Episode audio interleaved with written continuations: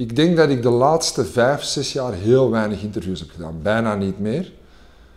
Bewust ook als statement om mezelf uit de picture te zetten. Ehm, maar de reden omdat ik dit wil doen, is omdat ik... Ik had twaalf jaar geleden al mijn eerste juicebar. En toen zei iedereen juices. Ah. Ik had twaalf jaar geleden mijn eerste takeaway koffiebar. Afhaal aan de tocht. En zeiden ze, ja, dat doet niemand. Tegenwoordig is het het moderne concept. Tien jaar geleden startte ik Mint. was eigenlijk alleen maar salades, dagverse producten met een plantje. En toen zei men, ja, je moet lasagne hebben, je moet een krok hebben, je moet uh, spaghetti hebben. En ik zei toen, ik moet niks, want ik heb heel mijn leven tijdens mijn sportcarrière gemoeten. Uh, dus ik heb altijd wel wat anders gedaan. En de reden waarom ik dit dus wil doen, is omdat ik heel hard geloof in initiatieven zoals die jij nu doet. Die wij doen. Vroeger ging je af van een hoofdredacteur of van een programmadirecteur of van de baas. The world is ours. Bert vraagt: Hoe ga je om met tegenslagen? En in welke mate helpt jouw sportverleden jou hierbij? Ik vind dat een ongelooflijke goede vraag, Bert. En ik krijg nu kippenvel. Ik krijg echt kippenvel van die vraag. En waarom? Man, ik krijg nu echt overal rillingen. Dus, dus mijn sportcarrière, moet ik zien dat ik bijna niet emotioneel word.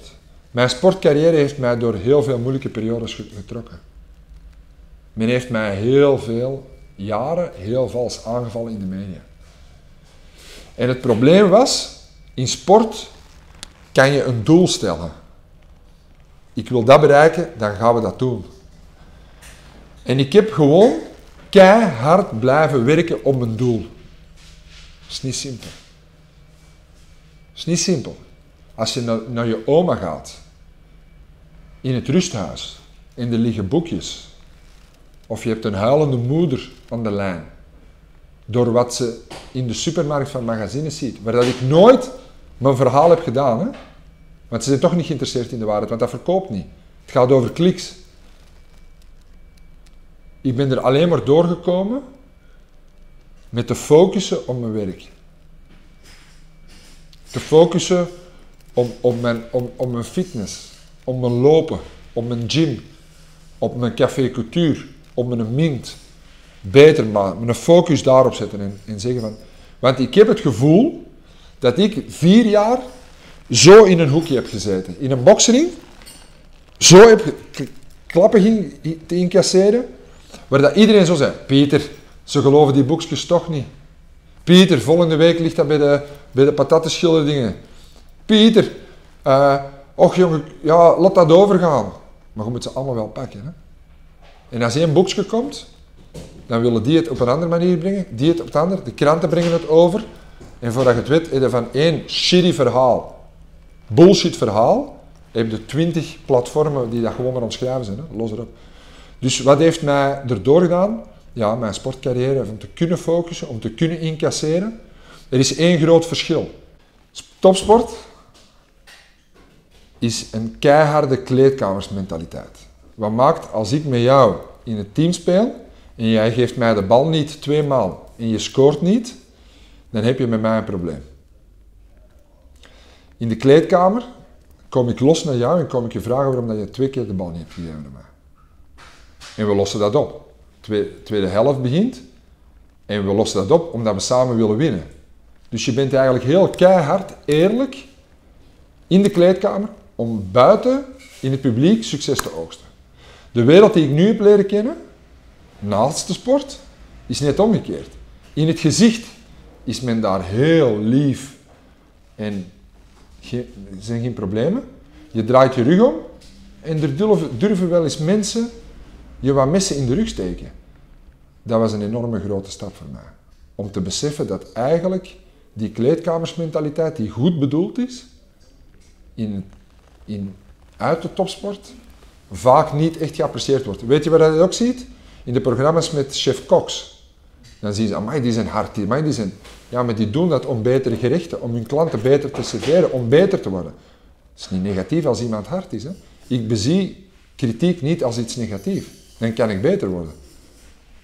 Ik denk dat dat het grootste verschil is tussen sport, topsport, en het hedendaagse, de hedendaagse wereld waar ik me nu in vertoef.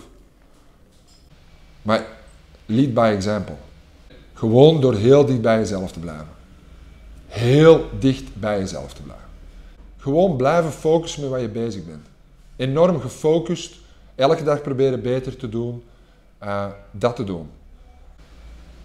Vind ik een heel boeiende vraag en ik ben heel blij dat ik dat antwoord eens kan geven. Oliver vraagt: Pieter, ik vraag mij af hoe jij al jouw verschillende concepten managt. Ik doe veel projecten, maar ben ze vaak beu en blijf bij één ding om dan een maand later terug iets te doen. Thanks. Dat is een heel goede vraag. En Oliver uh, die spreekt uit ervaring, omdat dat was tot twee jaar geleden eigenlijk mijn grootste frustratie. Ik had en Mint en ik had twee Maona's en ik had Café Couture. Vroeger deed ik nog basketbalkampen daarnaast en Oude Casa Ibiza. Begon dan ook dan. En ik heb me toen eigenlijk even heel eerlijk afgevraagd, wat maakt mij nu happy? En als ik in één zaak was, dan dachten ze in drie andere dat ik niet aan het werken was. Terwijl er was altijd wel iets. En dat maakte me niet happy. Dus ik heb ook wel keuzes gemaakt om eigenlijk dan naar een soort franchise te gaan en stukken te verkopen, waar dan mensen voor zichzelf werken. En Mint wordt nu geleid door iemand voor zichzelf. Maona's worden geleid voor zichzelf. En ik coach daar en ik, uh, ik help daar in het concept en ik ben er nog altijd bij betrokken. Maar ik doe dat op een andere manier en mensen werken voor zichzelf. Eén, ik heb veel minder mensen in dienst, veel minder loonlast. Mensen werken voor zichzelf, dus zijn meer gemotiveerd. Dus ik heb eigenlijk ook een, een heel terechte vraag. Ik wil mij heel hard focussen op café couture. Daar creatief mee omgaan en naar mijn concepten van Mahon naar Mint en zo verder. Vanuit café couture daar heel veel creatieve dingen mee doen. Maar mensen worden voor zichzelf. En ik denk dat dat toch wel de sleutel is in het verhaal dat je eigenlijk geen vier dingen goed kunt doen. Oliver moet naar zichzelf gaan en, en dat doen wat hij het liefste doet. En dat is soms een zoektocht. Maar wat doe ik eigenlijk het liefste? En daar, dat gaat hij heel goed proberen te doen. En dat gaat hem ook... Ja, ik, als mensen zeggen, oh, het is bijna... Heel het Instagram staat vol met, hey, Friday, Friday. Dan denk ik zo, ja, maar dan zijn je toch verkeerd bezig. Als je ligt te roepen dat het vrijdag is. Maar ik ben blij dat het maandag is. Zaterdag doe ik nog hetzelfde. Ik bedoel, dan, zit, dan heb je echt de verkeerde job gekozen. Dus doe wat je graag doet. Robrecht vraagt: Ik vroeg me af wanneer je een concept gaat omzetten in realiteit. Want je weet natuurlijk nooit of dat concept zal werken of niet. Vaak is het antwoord dat een ondernemer risico moet nemen, wat logisch is. Maar wanneer weet je nu dat je concept gaat slagen? Is dit na het uitwerken van een businessplan? Is dit al na een eerste brainstorm? Robrecht, ik weet niet of ik daar de juiste persoon voor ben, maar ik heb nog nooit in mijn leven een businessplan geschreven. Want zij dat die businessplan schrijven, die schrijven ook meestal allemaal hetzelfde. En het is net als je echt iets voelt dat, dat, dat er mist, dat je dan andere zaken doet dan in een businessplan. Ik zal een voorbeeld geven. Ik zat in Ibiza en toen schreef men me, ja, jij met thee moet echt wel massa gaan doen. En ik zeg nee, ik kan echt samenwerken op unieke manier met eigen blends te maken voor topchefs, voor toprestaurants. Eigen iced maken aan de hand van hun zaken. Ik verkoop online en in de shops. Uh, de businessplans die zeggen, die zeggen, ga goedkope thee ergens halen, verkoopt hem in supermarkten heel veel en dan moet de massa... Uh, nee, ik geloof naar je structuur heel hard beperken, wat je aan kunt. En desnoods doe dat vanuit je zolderkamer, vanuit je laptop, iPad. Maakt niet uit. We kunnen allemaal zo beginnen. En zo organisch groeien. Mensen die businessplannen schrijven, die missen volgens mij heel vaak de essentie. Ik geloof ook heel vast dat mensen, als ik iets voel, of als Robrecht iets voelt, dat er nog mensen dat voelen. het is de kunst om dat uit te werken en dat vind ik het, de leuze van Nike, daar denk ik heel vaak aan, just do it. Maar wel met heel veel gevoel en passie. Just do it. En dat wil niet zeggen, als je morgen heel zware investeringen moet doen, moet je er wel goed over nadenken. Maar wacht, Robrecht. Dit is begonnen in Mint met twee schapjes van Ikea. En er stonden twaalf theeblendjes op. Met zakjes. Dat is vier. Het is niet allemaal glamour, hè? En daar heb ik wel een probleem met het internet. En daarom vind ik dat jullie dingen zo leuk. Stop eens met al die fake shit. Oh, Pieter Lordon zit hier met zijn leren vest in zijn knappe winkel. Nee, nee, Pieter Lordon zit in zijn short tot vanavond twee uur. Gisteren was ik twee uur dat ik ben gaan slapen. Uh, van de morgen was ik om half acht terug bezig. Ja, maar ik doe het graag dus. Het is niet allemaal glamour, hè? Matthias vraagt, hoe zorg je voor gemotiveerd personeel? En wanneer neem je de beslissing iemand uit jouw team te verwijderen na enkele succesloze pogingen om ze toch te motiveren? Waanzinnig goed verhaal, en Matthias. bedoel, alles. Ik, hoop ook dat je dat ziet, dat eigenlijk alles terugkomt naar heel basics spullen. Um, als mensen het niet voelen, voelen ze het niet. Tegenwoordig probeerde ik mensen te motiveren, te laten inzien dat het belangrijk is. Heeft geen zin. De, de, moment dat ik nu solliciteer, stel ik meer privévragen over wat zij leuk vinden en doen, dan dat ze eigenlijk, waar dat, dat eigenlijk de job inhoudt. En aan de hand van dat selecteer ik mensen. Ik kan niet van iemand die graag knutselt een administratief bediende maken. Dat ga ik niet doen. En ik, kan een voorbeeld, ik heb nu net iemand aangenomen voor vier maanden in Amsterdam die eigenlijk net drie maanden zwanger is. Die heeft me nu al twee keer verteld van, Pieter, dat is ongelooflijk, mijn vriend zegt dat ook, dat jij mij aanneemt. Ik zeg, ja, maar ik zeg gewoon twee dingen. Ik zeg, één, ik, ik geef jou een bepaalde vrijheid, maar je moet wel doen wat ik vraag. En dat vind jij evident. Ja, dan gaan we elkaar toch vinden in dat. Als die, want ik denk dan, als zo iemand het echt dankbaar is en voelt, als zij bij haar zevende maand zwangerschap thuis zit, kan zij nog altijd klanten bellen van mij. Waar moeten we op de normale manier denken? Je kan toch jobs creëren waar dan mama's perfect na de schoolpoort en zelfs een koffietje drinken. En voor de schoolpoort toch leuke dingen kunnen doen.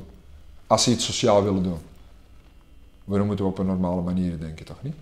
Dat zou ik ook niet willen. Dus de, de, de, het antwoord is, ja, ik heb het er straks ook al eens gezegd, ik geloof niet meer in werkgever en werknemer. Ik geloof wel in team te werken, waar dan mensen beide een benefit van hebben.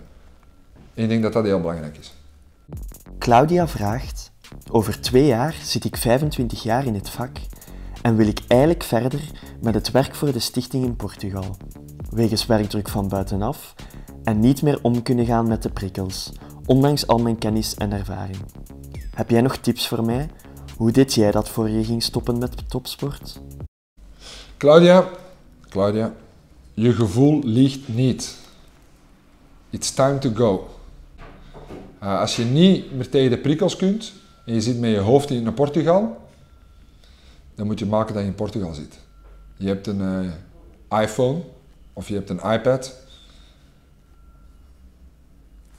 Make a story out of it. Mensen willen zien hoe dat jij naar Portugal gaat, wat je wilt doen.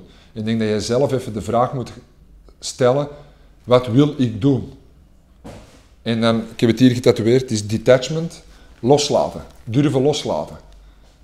En ik zeg niet dat je van de ene dag op de andere moet loslaten, maar maak een stappenplan hoe je deze situatie kan loslaten. Ook al weet je nog niet direct wat het volgende is. Want als je energie blijft steken in deze huidige situatie, dan ga je nooit de energie hebben om die volgende te zien en komen die ook niet op jouw pad. Eigenlijk heel simpel, maar het vergt wel wat moed. En veel mensen durven wel loslaten, maar durven vaak niet de pijn of de angst die erbij komt om los te laten, die trotseren ze niet. Off to Portugal. De mensen waar ik nu een antwoord heb op gegeven, uh, bedankt om me die vraag te stellen. Ik hoop dat ik je dit of zoveel kan motiveren om een stap te zetten en eigenlijk maar een stap, niet in een stap die ik zeg, maar eigenlijk een stap in wat jullie voelen. En ik leer ook heel veel op het internet. En je, maakt, je schrijft altijd je eigen boek door verschillende boeken te lezen. Hard werken is niet de secret. De secret is iets doen wat je graag doet. En dan is dit vanzelf. Hard werken doe je daarna met heel veel plezier. Dus als dat enigszins jullie kan helpen om bepaalde beslissingen te nemen, top.